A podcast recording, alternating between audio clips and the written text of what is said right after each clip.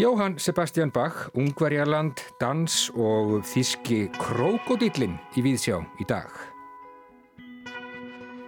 Í þætti dagsins ræðum við meðal annars við Bendit Kristjánsson tenorsöngvara en hann flytur á samt tveimur félagum sínum á morgun Jóhannesar Passíu Bachs í nokkuð óvinnlegri útgáfu þar sem undirleikur er aðeins í höndum slaversleikara og orgelleikara sem einnig leikur á sembal. Flutningurinn fer fram í Hallgrímskirkju annað kvöld en útgafa þessi hefur fengið mikið lof í Þískalandi og Hollandi og tilstendur að tónlistarfólkið flyti hana víða um löndi í framhaldinu. Við forvitnumst um þessa hugmynd að leika verkið með þessum hætti en hugmyndin fættist þegar Benedikt var skindilega kallaður út í passíusöng í sjálfri Fílamóniunni í Berlín. Já, við ætlum líka í þættinum í dag að fjalla um nýja kennsluskrá, skrá yfir skildu lesningu sem gefin hefur verið út í Ungverjalandi þar sem ímsir helstu rítöfundar þjóðarinnar koma ekki við sögu. Þeirra meðal er Imre Kertes sem var fyrstur Ungverja til að hljóta Nobelsvölun í bókmyndum árið 2002 Verlaun sem hann hlaut ekki síst fyrir skáldsögu sína Örlögleysi þar sem fjallað er um lífið í fangabúðum nazista. Nýlistinn hefur vakið aðtikli og umtal enda stjórnvöld í Ungverjalandi afar umdeild um þessar myndir og nota þennan nýja lista líklega í pólitískum tilgangi. Máli verður rætt í viðsjá í dag gestur þáttarins verður Benedikt Hjartarsson, profesor í almennri bókmyndafræði og menningarfræðum við Háskóla Íslands. Gauti Krispansson, bókmyndagagreinandi þáttarins fjallar í dag um sjálfsæfisöguna Þíski krokodillin eftir Þískareitöndin Ljóma Mangold en svo bók vakti mikla aðtikli þegar hún kom út árið 2017. Mangold hefur komið hinga til Íslands á bókmyndaháttið og er þekktur höfundur og menningablaðamaður í heimaland sínu. Já, heldur betur og Snæbjörn Brynjarsson, leiklistarkakarinnandi, hann fjallar í dag um Rhythm of Poison, glænýtt verks eh, eftir finska dansöfundin Elinu Pírinin sem að Íslenski dansflokkurinn frumsýndi á nýja sviði borgarleikúsins á föstudag. En við ætlum að byrja við sjá dagsins í Ungverjalandi.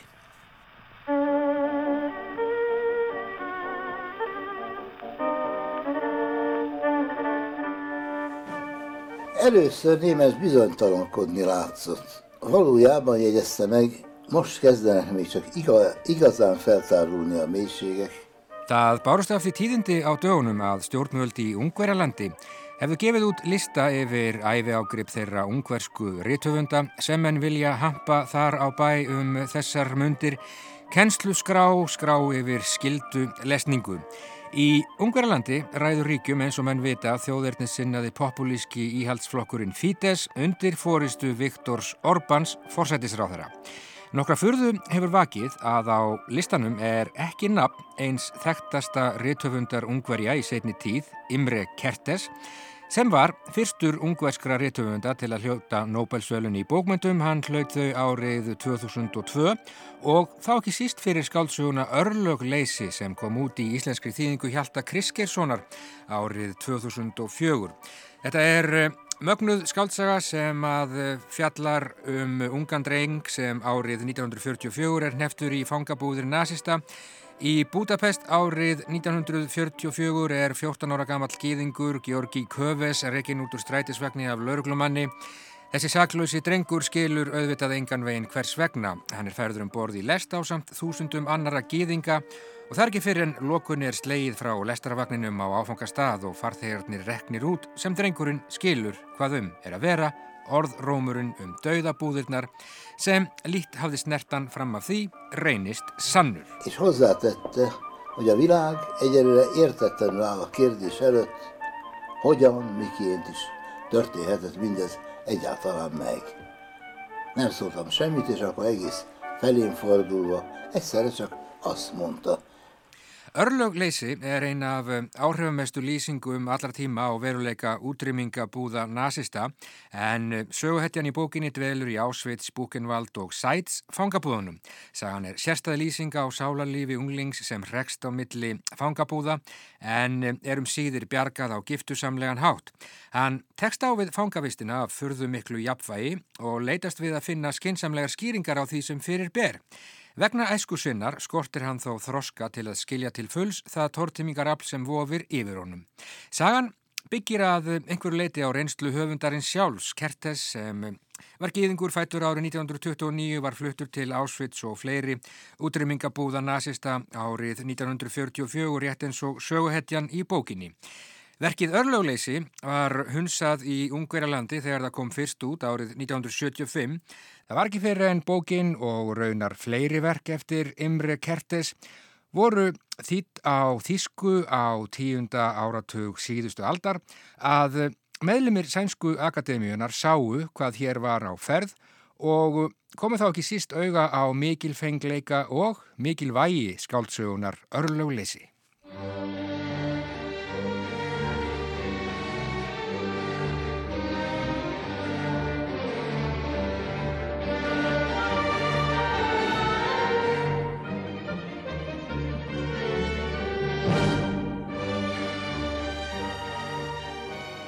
Eftir að Imre Kertes hlaut Nobelsvölun í bókmæntum árið 2002 gáttu ungverjar ekki lengur stungið höfðinu í sandin.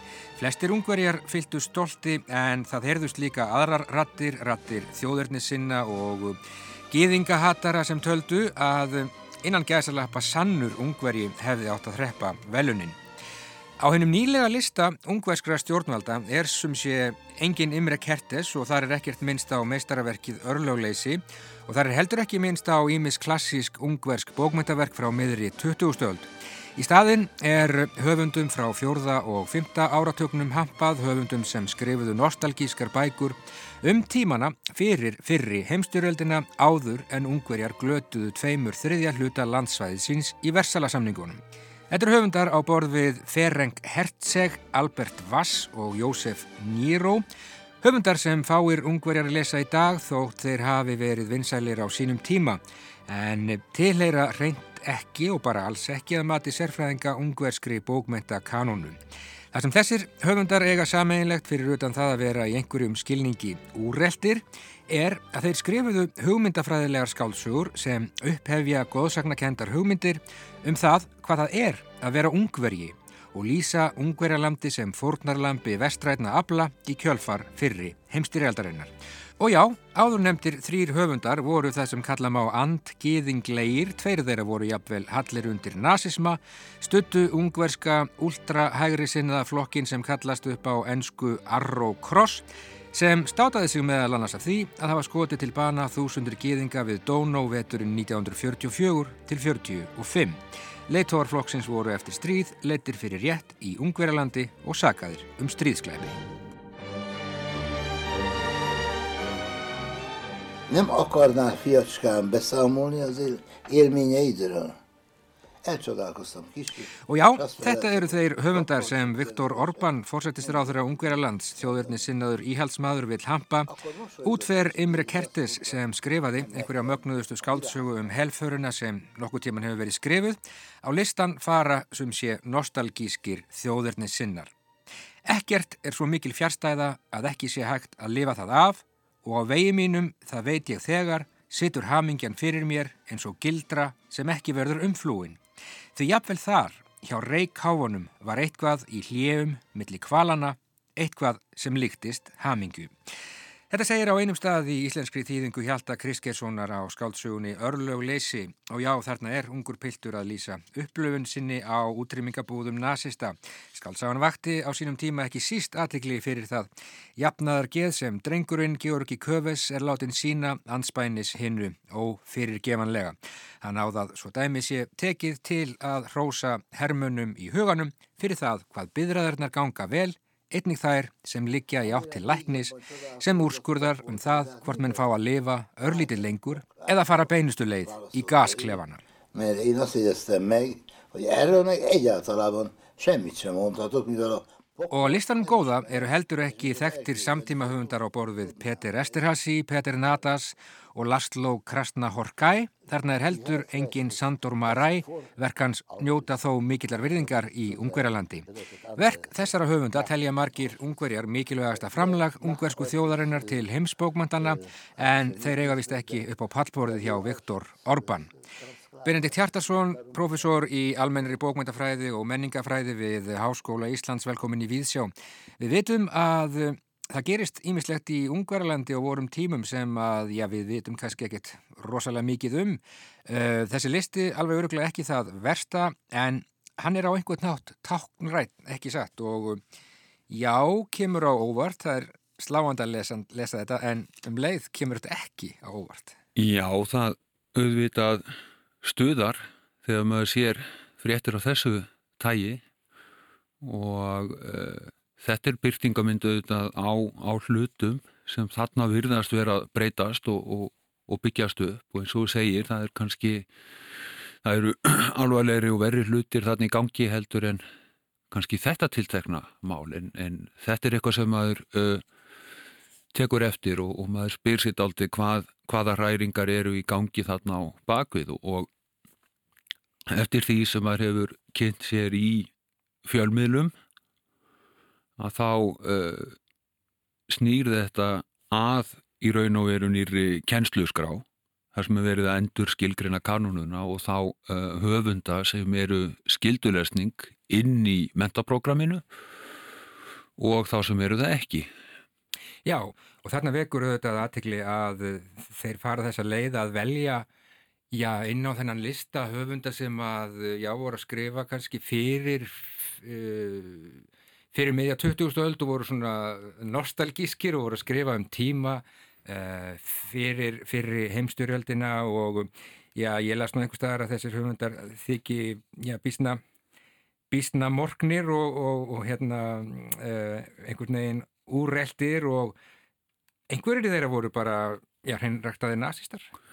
Einhverjir þeirra að þessum höfundum, já, ganga inn í, í nazismann og þetta virðast vera höfundar sem að uh, horfa svolítið með nostalgískum hætti aftur til gamla tímans fyrir, fyrir heimstyrjöldina og þarna eru þau undir þessi eh, svona nostalgíja fyrir tímanum úr gamla Habsborgar veldinu í rauninni frá þeim tímum. Og þetta eru þetta að mörguleiti Ungverjaland mjög uh, sérstakt uh, land í erúsku samingi með, með flókna og mikla pólitíska sögu og sprettur síðan upp sem í rauninni þetta þetta ríki þeirri mynd sem við sjáum það í dag, þjóðríkið í einhvern skilningi eh, eftir fyrra stríðuraurinni, eitt af þessum þjóðríkjum sem að spretta upp þar og, og þarna á einhvern nátt liggja þessir hlutir undir. Deilurna núna átökin virðast líka snúast af mörgu leiti um uh, svona gíðinglega þáttin í ungverskri menningu Já. og það eru sterkir antisemitískir ströymar þarna og þar á uh, eins og víðar í Európu antisemitismin sér, sér langa og, og mikla flokna sög. Já, en þarna er uh, Viktor Orbán mjög augljóslega nota, já, nota bókmyndirnar í pólitískum tilgangi, það er alveg augljóst. Það blasir við, það verða að nota þær í pólitískum og hugmyndafræðilegum tilgangi. Það hefur náttúrulega gerst áður í sögunni. Það hefur gerst áður í sögunni. Oftar en einu sinni, oftar en tviðsar. Það eru eitt af því sem að kannski stingur mann og, stöðar mann þegar maður sér fréttir af þessu tægi. Þegar bókmentur fara skindilega að skipta miklu máli, þá er eitthvað skuggarlegt á. Segði, við viljum ekki bú í samfélagi þar sem bókmentirna skipta virkilega máli. Nei. Það er bara þannig. Það er mjög áhugavert mjög svo. Það er svolítið týpend. Já, um, en eins og við nefnum að þá eru þetta margt fleira sem að gerist í Ungverðarlandi sem að við vitum ekki um. Þetta er svona fyrst og fremst eitthvað tákgrænt sem að við eh, bókabjöðsar reggum uh, augun í. En já, Ungverðarland er nú ekki á hverjum degi í fréttum og að vissuleiti, já, þó nálagt sé um leið svolítið fjarlagt. Það er það og það er uh, kannski líka mikilvægt að nefna þar tungumálið mm -hmm. sem auðvitað einangrar uh, í einhvern skilningi Ungverjaland, hérna eins og Eiland inn í miðri Európu, hjarta mið Európu í rauninni en með sitt eigi tungumál uh, sem að stendur þarna daldið sér og við höfum ekki sömu insýn í, í uh, það sem er að gerast í Ungverjaland og annar staðar og við erum við sem ekki þekkjum ungversku sem erum held ég ansið stór hluti. Já. uh, við höfum takmarkaða insýn Mm og ef við horfum líka bara í kringum okkur hér heima þarna er, uh, það er ekki margir hér sem að þekkja vel þarna til. Nákvæmlega, en, en það náttúrulega er daldið magnað sko að, að þessi maður Imre Kertes sem var fyrstur ungverja til að hljóta Nobelsvelun í bókmyndum, hann er bara, takk fyrir, tekin út af kennslusgrá höfundur þessar frábæru bókar, örlögleysi sem að Hjalti Kristgeirsson þýtti á sínum tíma og er svona bók sem að já gerist í þremur útrymmingabúðum nazista, ungur drengur sendur þanga 14 ára gamall og já bókin vakti nú ekki held í síst aðtikli fyrir það sko uh, svona jafnaðar geð sem að söguhetjan í þessari bók er látin sína anspænis öllum hryllingnum. Það er ótrúlega magnað hvernig hann, hvernig hann fer að því. og það er, já, það er einhver mjög uh, sérstök sín og beitt sín í verkinu Mm -hmm. uh, líka og uh, tónn sem í uh, þessu samhengi helfarabókmenta gerir þetta verkdaldið sérstætt. Já, svona senn írónískur og einlægur einhvern veginn. Írónískur og einlegur og, og, og beittur. Já. Já. Sko, Benedikt, þú uh, horfir viða og, og sérð viða og þekkir náttúrulega bókmyndir 20. aldar mjög vel, ekki síst á fyrirluta 20. aldar þegar að, um, já, ymsar hræringar fóru í gang sem að menn eru stundum svona að, að speikla við okkar tíma nú með, með réttu eða röngu er um, ég eftir að sjá eitthvað meira í þessum dúr að, að menn séu að, já, bókstæla nota listina og bókmyndirnar til þess að Já, íta burtu viðhorfum sem að ekki þykja æskileg og já, íta jafnvel burtu sögulegum staðrindum á, á borðið, borðið helförina.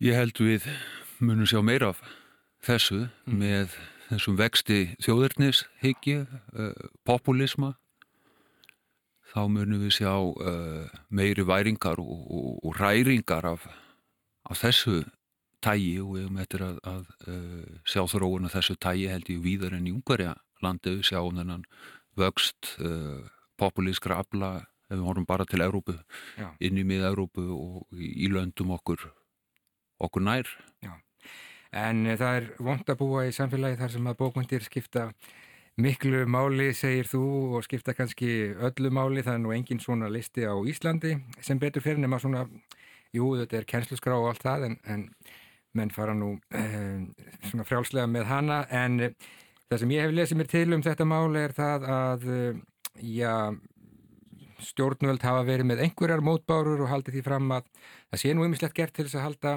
eh, nafni Imre Kertes á lofti en, en þetta er samt sláandi. Þetta er sláandi og þau hafa nefnt að hann sé áfram á, á lista yfir mikilvæg og höfunda þó hann sé ekki inni sem skildulesefni og annað en það er, það er augljóst að þarna er verið að, að uh, færa einhverja hluti til í, í forgangsröði því hvað á að kenna og, og annað og maður sér líka þá höfunda sem að koma inn í staðinn með uh, svona sterkar þjóðernislegar áherslur sem passa betur inn í svona þessa hugmyndafræði og þetta prógram sem að menn eru að fylgja dálítið eftir í Ungarilandi.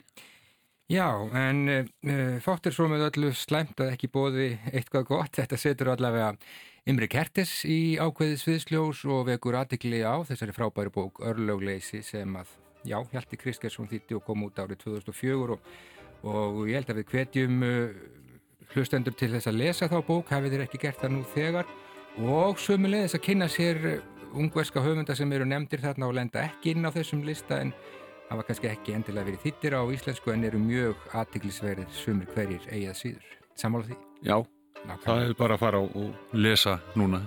Þið tækifæri til að, að, að hérna, kynna sér aðeins betur ungarsku bókmyndirnar. Benedikt Hjartarsson ég segi bara takk fyrir komuna í Víðsjá og við fylgjumst betur með þessu ef að, ef að fleiri tíðindi berast frá Ungveralandi og fleiri leggja orð í púk. Takk fyrir komuna. Takk. Takk. Die Welt weiß nicht, dass vor Auschwitz Antisemit zu sein bedeutet anderes als nach Auschwitz. Äh, Wer nach Auschwitz äh, äh, Antisemit ist, der, der will Auschwitz. Das ist äh, ganz klar heute. Darum muss man die Holocaust ein wenig äh, studieren.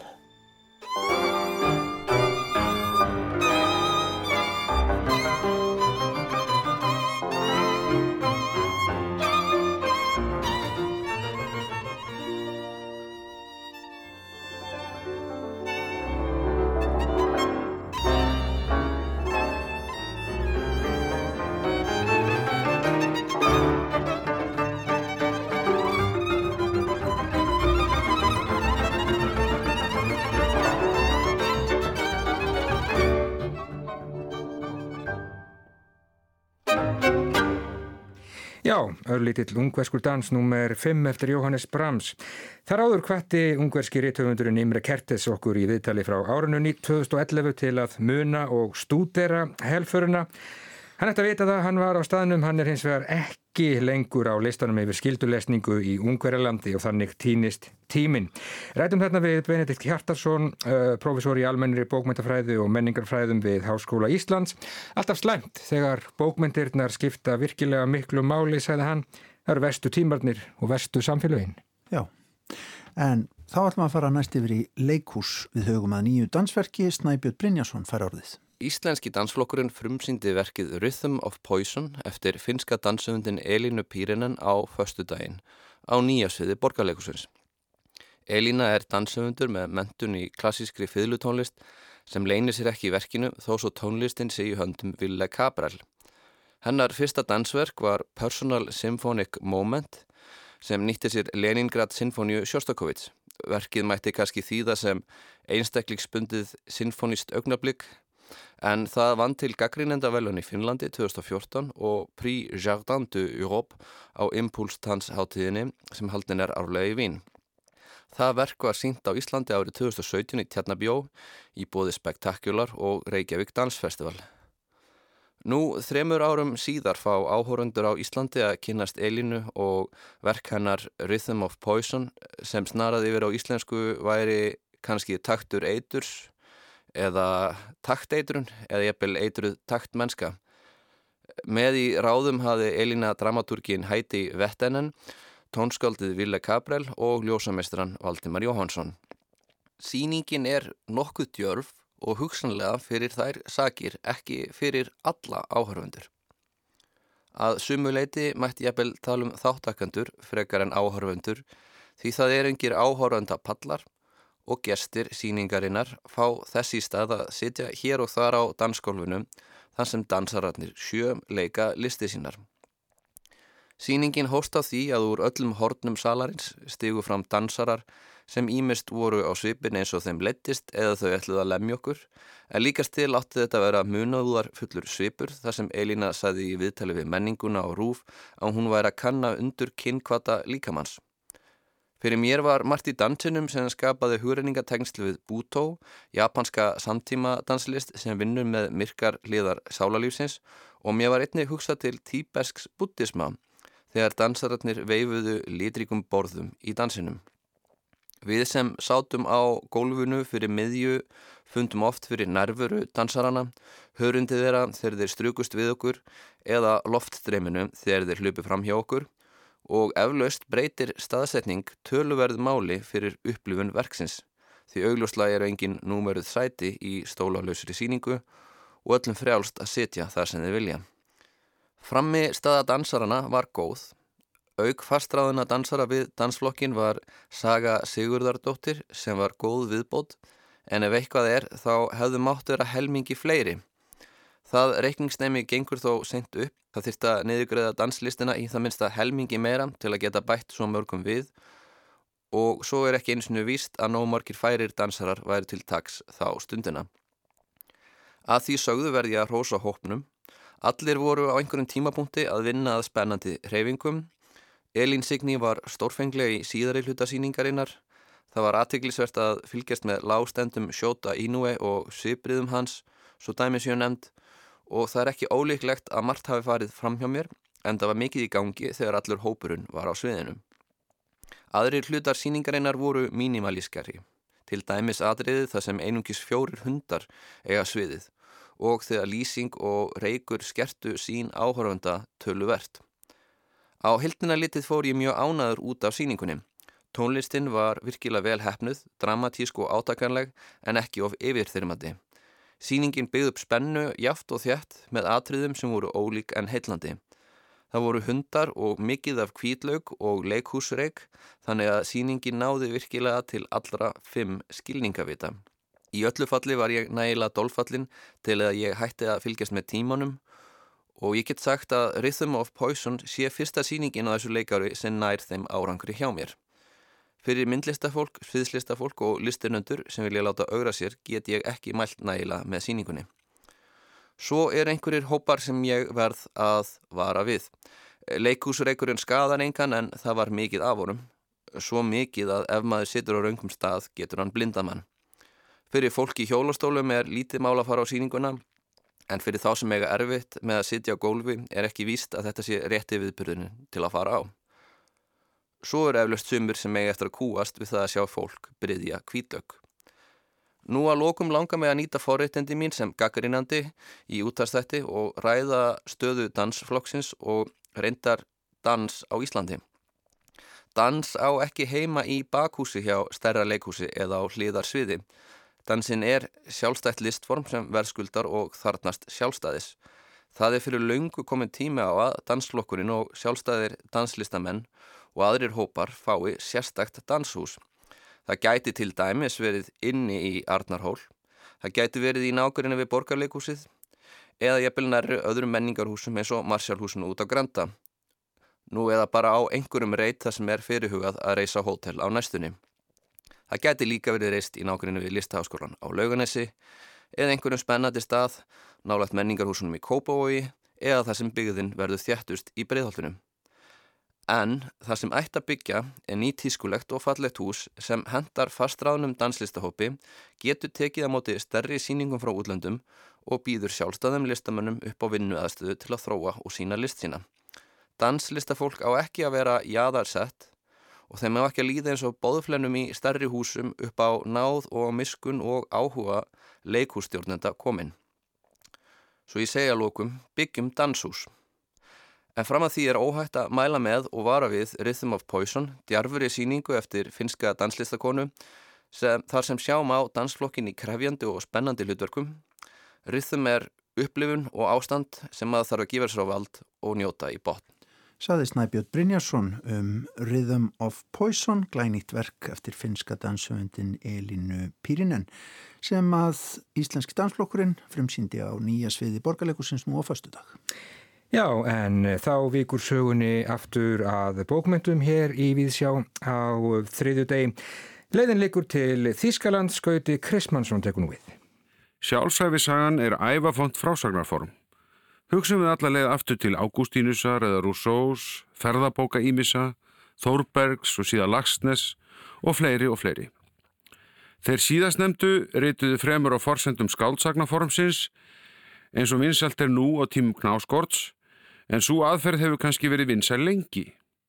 Vladimir Nabokov var til dæmis sannferður um að sjálfsæfisugur væri að mestu stílferð lígi en svo skrifaði vitaskuld eina sjálfur. Ljóst má vera að sjálfsæfisagan hefur, hvort sem hún leytast við að rekja sannleikan innan gæsa lappa eða tekur á sig skáldlegt form, allatíð fundi sér lesendur og hún er kannski með eldstu frásagnarformum í prósa sem við þekkjum. Þíski krokodillin eftir þíska menningablaðamann Íoma Mangold kom úr 2017 og sló sannalegi gegn. Fekk mikla umfjöllun og var prentuð að minnstakosti sjö sinnum innan árs frá útgáfu. Þetta er þroskasaga og um leið sjálfsæfisaga manns sem fæðist við nokkuð óvinnilegar forsendur árið 1971. Móður hans Þísk egnast hann með nýgarískum læknanema sem hann sér síðan ekki fyrir hann orðin 22 ára. Hann er sem sagt dökkur á hörund og elst upp í Heidelberg í suðvestur hluta Þískalands. Í upphafi sögunar, sem sannlega rennur eins og fínasta skaldsaga, beitir hann snjöllu stílbræði og talar um barnið sem hann var í þriðju personu. Þetta heldur ekkit nýtt út af fyrir sig. Rúsómun hafa gert það í pælingum einsamals göngurhóls, eins og það heitir svo skemmtilega á Wikipedia. En það var ekki reknað honum til tekna bókmyndalega. Hér virkar þetta vel, vegna þess að höfundurinn þarf að nýta sér orraði fullorina til að lýsa viðhorfum og tilfinningum drengsins. Hann fer ekki til felu með það að hér er verið að tólka æskuna frá sjónarhóli fullorins manns. Þetta er hárætt aðferða mínum dómi. Við sjáum þennan tíma lífsins ekki beinlýnis í minningu, heldur sem endursögn á baslegum tilfinningum sem vitilega getur ofta átt við röka stiðjast, eins og ljóst má vera þessum kabla í bókinni. Kablin snýst nefnilega um það hvernig barnið sér sjálft sig. Gerandi sér ljóst að húðlitur þess og ekki síður nafn er framandi í umhverfiðis. Hér er ekki um neitt eineltist drama að ræða, þvert að móti. Hann sleppur við allt soliðis, en badniði sífælt að hugsa um strategíur til að falla inn í hópin og texta oft mjög vel. Eða það var bara engin að pæli í þessu á krökkunum í kringum hann. Hann veit það ekki. Hann er líka lánsamur eða móður sem verist hafa verið mjög meðvituð. Enda kannski eðlögt þar sem hún er barn á unglingatherapisti að atfinnu. En þessi saga er líka mikið til saga móðurinnar og reyna föðurins þegar líða tekur á. Móðurinn fætti upphafi stríðsins í Slesíu sem nú hluti Póllands er dálítið dæmigert afsprengi sjönda áratugurins á Vesturlundum en þó algjörlega á sínum fórsendum. Hún er mentuð á vegum kirkjunar áður en þerapistarnám varða háskólanámi. Hún var líka einn þeirra yfir 11 miljóna þjóðverða sem hraktir voru vestur í stríðslokk. Hún var sem sagt ekki hippi en sumtir í þeirra anda eins og þær skelvilegu staðrendir að hún á ekki mann, engan bíl og ekkert sjómarp sem drengnum finnst agalegt að þurfa að búa við og reynir að ræða ekki við vinn og kunningja. Þessi kapli er samt á mörguleiti óður til móðurinnar sem heldur utan um drengin sinn vel og vandlega. Fullortni maðurinn skilnarfla betur um barni hvað móðurinn var að gera og hann getur setta í samhengi við minningar sínar og tilfinningar frá æsku árum og er þetta mjög vel gert, án allrar væmni eða tilgerðar. Bókin skiptist í fjóra megin hluta og segir svo fyrsti frá drengnum eins og áður segir og einnig stuttlega frá fjölskyldusögun í Slesju og flottanum þaðan. Annar hlutin segir síðan frá unglísárunum og þá er þetta í fyrstu personu. Hér er Íóm og ungi komin í freminn íhaldsamar mentaskóla sem móður hann sendi hann í eftir að hafa prófað að senda hann í skóla sem hafði andstöðu gegn valdi í prógraminni hjá sér.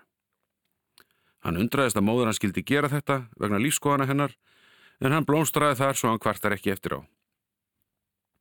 Í gegnum vini sína kynist hann bladamann að þrítusaldri sem heldur sér nokkus konar hyrð velgefina pilda í kringum sig. Til heimsæki hann nánast daglega, ræða heimsmálinn, hlust á tónlist og fleiri þeimt úr. Þetta þætti nokkuð grönsanlegt nú á dögum. En tenn á þessi, eins og hann var kallaður, gætti þess að vera í sambandi við foreldra og leitaði ekki á piltana, þóttir hafi verið vissur um að hann væri samkynniður. Höfundurinn segist að hafa lært mikið og þroskast á þessu, en það kom að því að hann lit sér hverfa og fór að vinna í nefndaleikursinu. Hann heldur samt áfram að vinna með sjálfsmynd sína þótt hörundsliturinn standi honum hvergi í vegi. Hann er líka að reyna að setja sér í samhengi við liðna hippatíma á nýjöndarartöknum og einnig hverjum hann í raun tilherir. Nýgarist fadernið ómar alltaf á bakvið þótt hann hafa aldrei síð mannin. En það er þíska sjálfsmyndin sem ég hafði floknari. Hann missir áhuga á poptónlist og fyrir að lesa Tómas Mann á táningsárum. Hann er líka dálítið öðruvísin aðrir að þessu leiti og finnst það stundum þurfa að vera með kyrfilega lokað á sjálfsmyndar kistunni. Það er ekki finnið þriðja hluta sem að fyrir að nálgast hinn svarta hluta sjálfsmyndar sinnar. Hann fer meðal annars til bandaríkjana í sumarvinnu og síðan þegar hann er 22 ára fær hann bref frá föðu sínum. Til að gera langa sögu stutta þá náður saman og sögumæðurinn fyrir nýgari og kynnistar sistrum sínum og öðrum ættingum. En á ný þarf hann að takast á við blandaðan uppruna sinn og núna hefðir siði og vennjur föðurfjölskyldunar í ofanálag. Fadur hans er nefnilega höfðing í þorpinu sínu og hann finnst eins og hann eigi að taka við á honum. Það meiri sér að fara að koma með vænlega konu efni heimsók til hans. Það verður ekkit úr þessu en hann velti því fyrir sér síðar hvort það hefði kannski ekki alveg skemmt orðið eitthvað og það frá einum virtasta menningablaðamanni Þýskalans. Kannski er spurningin retorísk en hann losnar ekki við hana því þetta er hluti af hans mögulega sjálfi. Síðastu hlutin segja meðar annars frá endalögum móður hans, sem auðvitað hlutverks síns vegna er mikill örlagavaldur í lífi hans. En hún er samt eitthvað meir en það, meir en venja er. Hugsanlega er það vegna þess að hún verist ekki vera mikið í sambandi við aðra kallmenn og einbytti sér að sininum án þess þó að kæfan. Hvað sem því líður er þessi sjálfsæfisaga ekkert síður saga um móður sem kann listina að elska og að frelsa. Segði Gauti Krismansson um sjálfsæfi söguna Þíska krokodílin eftir Þíska menningarblaðamannin Ljóma Mangold bók sem að vakti já, tölverði aðtekli þegar hún kom út árið 2017 og já, Mangold mikill spaði í menningarblaðamennsku í Þískalandi. Já, en þá þessir tónar hér.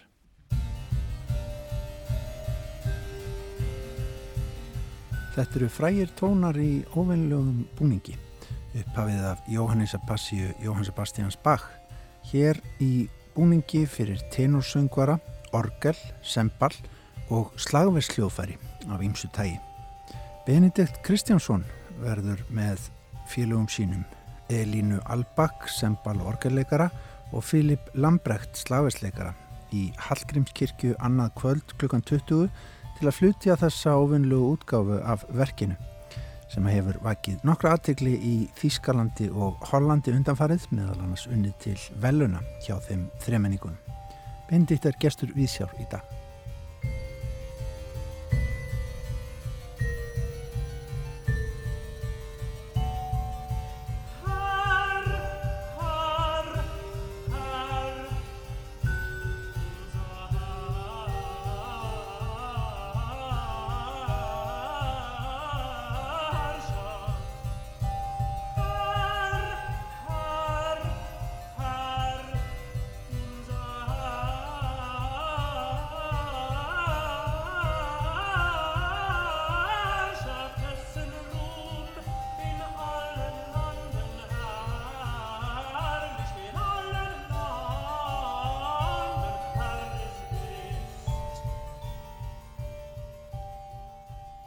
Þetta kemur þannig til að á förstegin langa 2018 er ég ótrúlega satt bara stattur heima hjá mér og ég er ekki að syngja.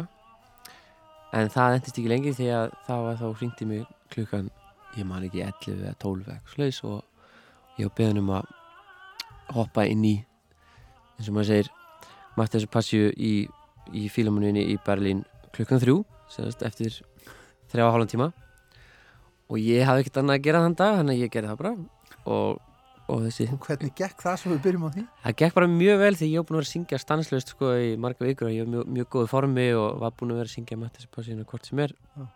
mjög oft þannig að þetta gekk bara mjög vel og, og í salnum sem sagt var ákveðin maður sem að stjórna þessu festivali í Esslingen sem kom tímin eftir á og, og, og þetta festivali í Esslingen er sérst frækt fyrir að gera svona mjög experimental hluti og, og hann spurði mig hvort að, hvort að það væri hægt að gera Jóhannes Passíuna einn með slagverki og sembal og bætti því við að hann sjálfur hefði enga hugmyndum Passíunar og væri bara svona spurja þannig séu út í loftið og bara svona til hann finnst það fín hugmynd. Og ég, já, og ég sagði bara að ég myndi hugsa málið.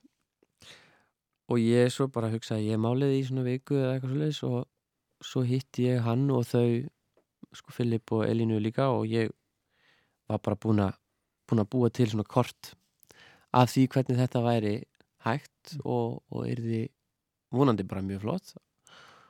Og uh, já, nei, ég verði að veikina ég var eiginlega bara svona strax frekar sannfærður. Ég hafði strax mjög góða tilfinningu fyrir þessu. Ég, ég var alveg viss með um þetta myndi virka. Þú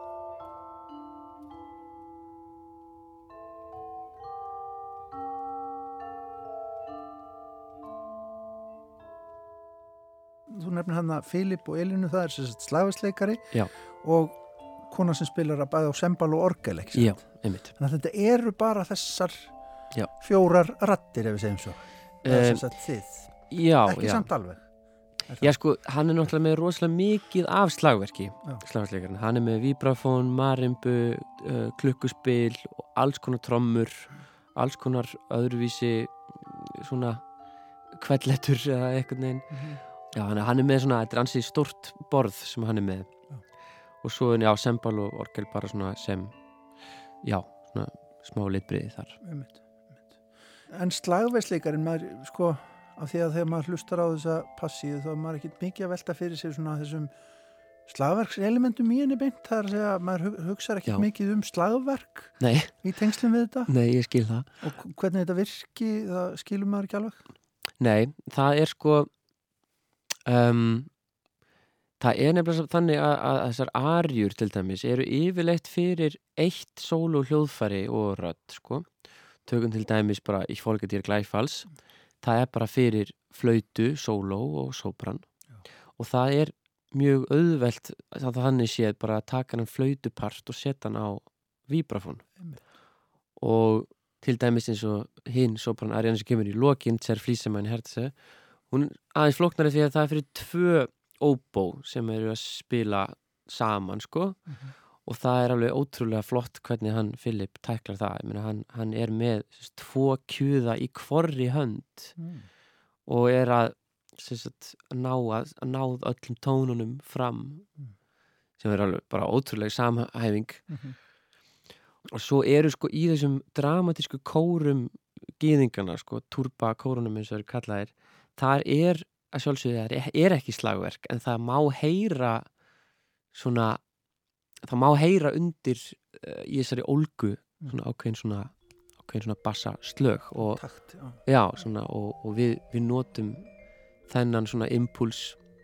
Já. og hann virkar held ég bara mjög náttúrulegur sko, í, í uppfæslinu okkar.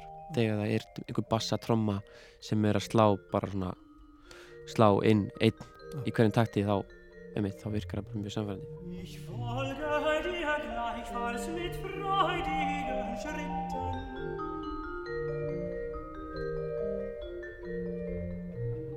Ich folge dir gleichfalls mit freudigen Schritten und lasse dich nicht, mein Leben, mein Licht, und lasse dich nicht, mein Leben, mein Licht,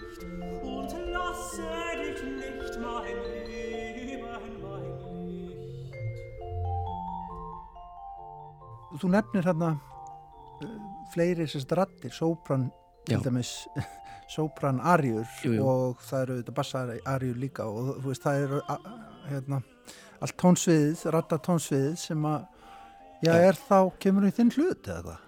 Já, Hvernig ferði það því? ég sko leysi það með því að um, syngja semst sópran ariðna bara áttund neðar í minni áttund og um, bassa ariðna syngja í orginal tóntegund Mm. hins vegar eru fjórar ariður sem ég sleppi af, af af passíunni Mm. mm. reynda mér fyndi að ég sleppi sérst báðum tenurariðunum ég get komið uh, tvær ástæð fyrir því ein, eh, sérst, ein ástæð er að ein er einfallega bara alltaf löng Mm. Og hendar kannski ekki sérstaklega vel í fyrir þess, þessi hljóðfæri sem við erum með Nei.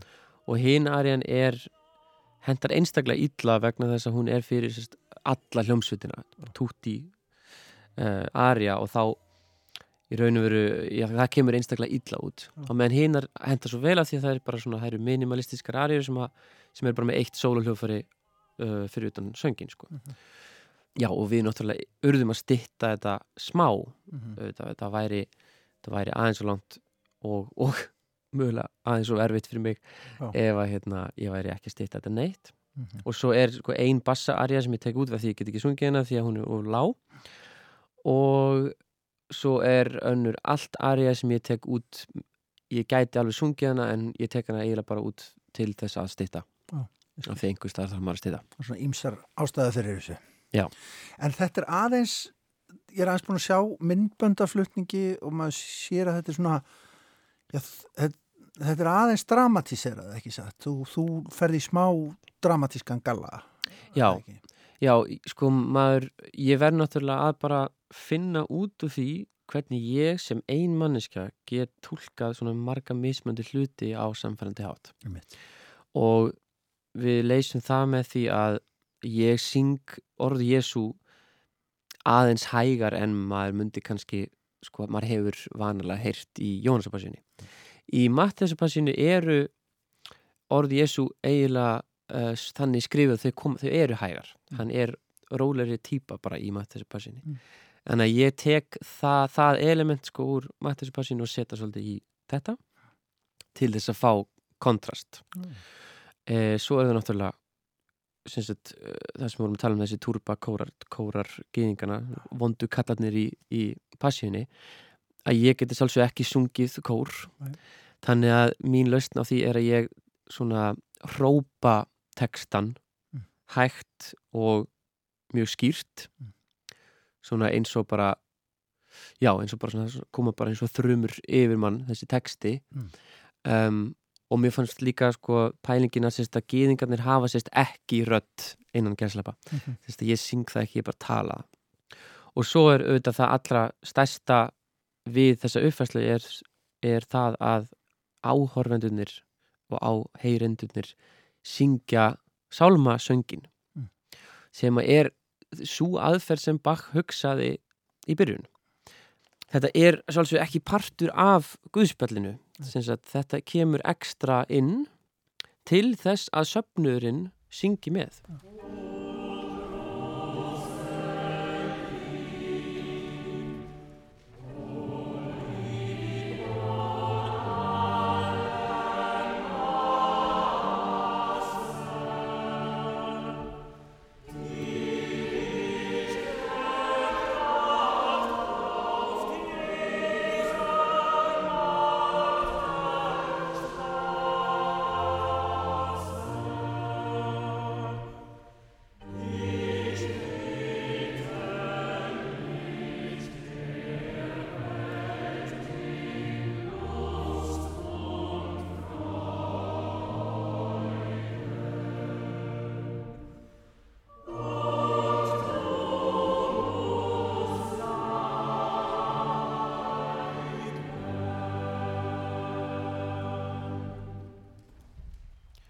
og þetta er það sem er búin að vera sko er ekki búin að vera partur af þessari endurreist uh, barokk tónlistar, barokk uppruna hljóðfæra, fluttnings sko, Mhm. allir að hugsa hvernig gerði Bach þetta og hvernig hljómaði þetta á hans tíma þetta hljómaði svona á hans tíma Það er að segja með, með, með söng, söfnuðinum já. já. og getur rétt ímyndaðir hvers konar sko, svakalegt dramaturgist pæling þetta er Mm. að þú allt í einu sko bara brjótir fjórða múrin Mm. sko í þessu samengi og allt í einu eru allir núna að taka þátt Mm. svona eiginlega í píslasögunni Mm. og þetta finnst mér þetta er náttúrulega það flottasta þarna stýg ég líka bara út úr mínu hlutverki og ég stjórna söfnunum og allar þessar fermötur sem eru út um allt í þessum kóralum sem að fólk í dag yfirleitt notar ekki Mm. af því að þegar þú ert með kór sem er allt professional söngvarar að syngja og þarft ekki að það þarft ekki allar þessar fermötur út um allt. Mm. en þegar þú ert að stjórna söfnuði þá þarft þessar fermötur Já. vegna þess að annars er ekkert saman. Þú þarft að hafa, ég er bara að fara að syngja hinga og þangað og svo hinga og þangað, þá anda allir saman. Þá skilur maður algjörlega af hverju þessar fermötur eru þarna. Já. Það það er er- út, út, af, út af þáttökunni. Já, emitt og þú stjórnar. Já. þú, þú slær taktin Já. Og ég syng líka hæst. Eh, ég vona það allavega. Ekki nema Kristi Simundsson koma tónleikana. En þá spyr maður sig, hvernig virkar þetta í, í Esslingen í Þýskalandi og svo í Hallgrímskirkju hérna upp á skólaverðu já, það er bara besta við þetta. Ég veit ekki. Það er bara sem er mest spennandi. Já. ég veit aldrei hvað er að fara að gerast. Ég bara byrja bara að syngja og veifa höndunum og vona það besta. Já. en það hefur held ég bara einu sinni gerst að svona var ekkit sérstaklega góður undartöktir en það var eiginlega bara út af þetta var sko úti í tjaldi í 35 stið hitta í Hollandi. Þannig að það hefði þær, það, þær ástæður. En þetta er sem sagt, já, tilraun til þess að kannski færi þetta aðeins nær áherendanum. Já, algjörlega. Já. Mér finnst þetta frábær hugmynd. Mér finnst þetta koma bóðskap Bachs og Guðspjálsins virkilega áfram á einhvern, á einhvern allt annan hátt en það hefur verið að gera Já. og bara, já, ég held að það sé svona aðalástæðunar Og viðbröðin hafa verið góð. Það, Ha- ert búin að flytja þetta hvað? Já, á áttasinnum en þetta verður nýjunda skipti Já. og við erum á þessu ári með bara frábara tónleika með þessu prógrami meðlans í Elbphilharmonie í Hamburg. Bachfest Leipzig uh, Bachfest Köthen í Heidelberg, Ludwigsburg bara rosalega flottar, flott festival sem að eru búin að panta þetta og, Og þunnu velun. og unnum líka Opus Classic velunin sem nýstárlestu tónleikar ársins Já. og það sjálfsögur var bara, bara ótrúlegt og, og þetta verkefni náði miklu hærra heldur en við höfum já, ég segi ekki þóra að vona okkur þetta bara einfallega ekki í hug, vorum ekki einu svona vona, við bara svona uh, ég bjóst alveg við þetta myndi vera kannski svona í eitt ár eitthvað svona flott og, Mm. en við erum alveg núna með tónleika með þessu prógrami bóka 2022 Já, ok. þannig að þetta hefur bara gengið mjög vel Þannig að bara fólk er hrifið og það má leika sér með gamla bak. Já, algjörlega algjörlega, ég meina, mér, mér finnst mjög mikilvægt kannski á hvaða forsendum maður er að leika sér. Maður má ekki sko sína tónlistinni vannvirðingu Nei. mér finnst það vera ömulegt og ég held líka mjög margir sko þegar heyrðu þessu prófið hugsuðu já þeir eru bara eitthvað svona bara, bara vannvirðabak og eins og fólk gerir mjög mikið í dag bara. En þetta er bara, þetta er andstæðan við það. Við erum, þó við séum að gera eitthvað svona svakalega experimental og við séum að virkilega sjóða þetta niður eins og þú segir það er ekki arða af vannvirðingu það er, það er þvert á móti hámarks virðing við efnið Og þetta er í Hallgrímskirkju hjá okkur á morgun.